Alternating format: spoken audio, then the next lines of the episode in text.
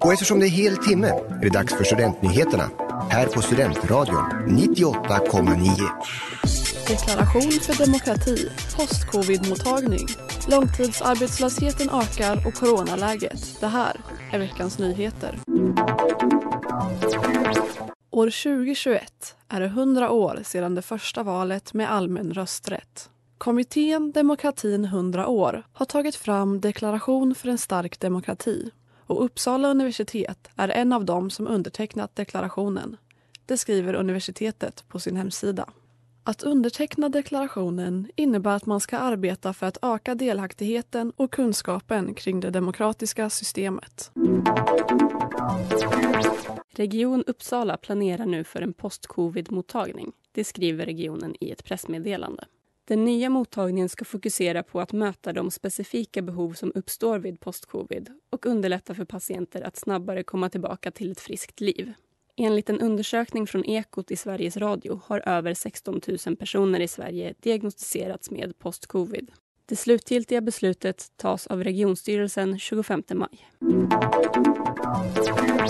Arbetslösheten minskade något mellan mars och april i år. Men långtidsarbetslösheten fortsätter öka. Det uppger SVT Nyheter. I april var siffran 188 000 långtidsarbetslösa. En ökning från mars månads 182 000 och Arbetsförmedlingen tror att siffran i år kan bli över 200 000. Ökningen handlar mycket om de som förlorade jobbet förra våren och fortfarande inte hittat ett nytt och sker mest inom åldersgruppen 55 till 64 år. Annika Sundén, analyschef på Arbetsförmedlingen, säger till SVT Nyheter att detta är en åldersgrupp som får det svårare att ta sig tillbaka på grund av digitalisering, automatisering och strukturomvandlingar som leder till att nya kompetenser behövs. Från och med måndag den 17 maj tas den lokala rekommendationen om personlig lockdown bort i Uppsala. Det rapporterade SVT.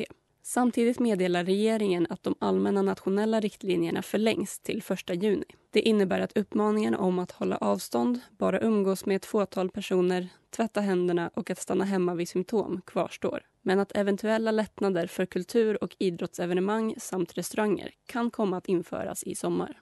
På hemmaplan riktar den medicinska rådgivaren Mats Martinell nu beröm till Uppsala studenter för att de avstod firanden under valborgshelgen. Den befarade ökade smittspridningen efter valborg har nämligen uteblivit och istället har smittspridningen minskat de senaste veckorna. Detta enligt P4 Uppland. Du har lyssnat på nyheterna i Studentradion 98,9. Med Amanda Jansson och mig, Elvira Åberger.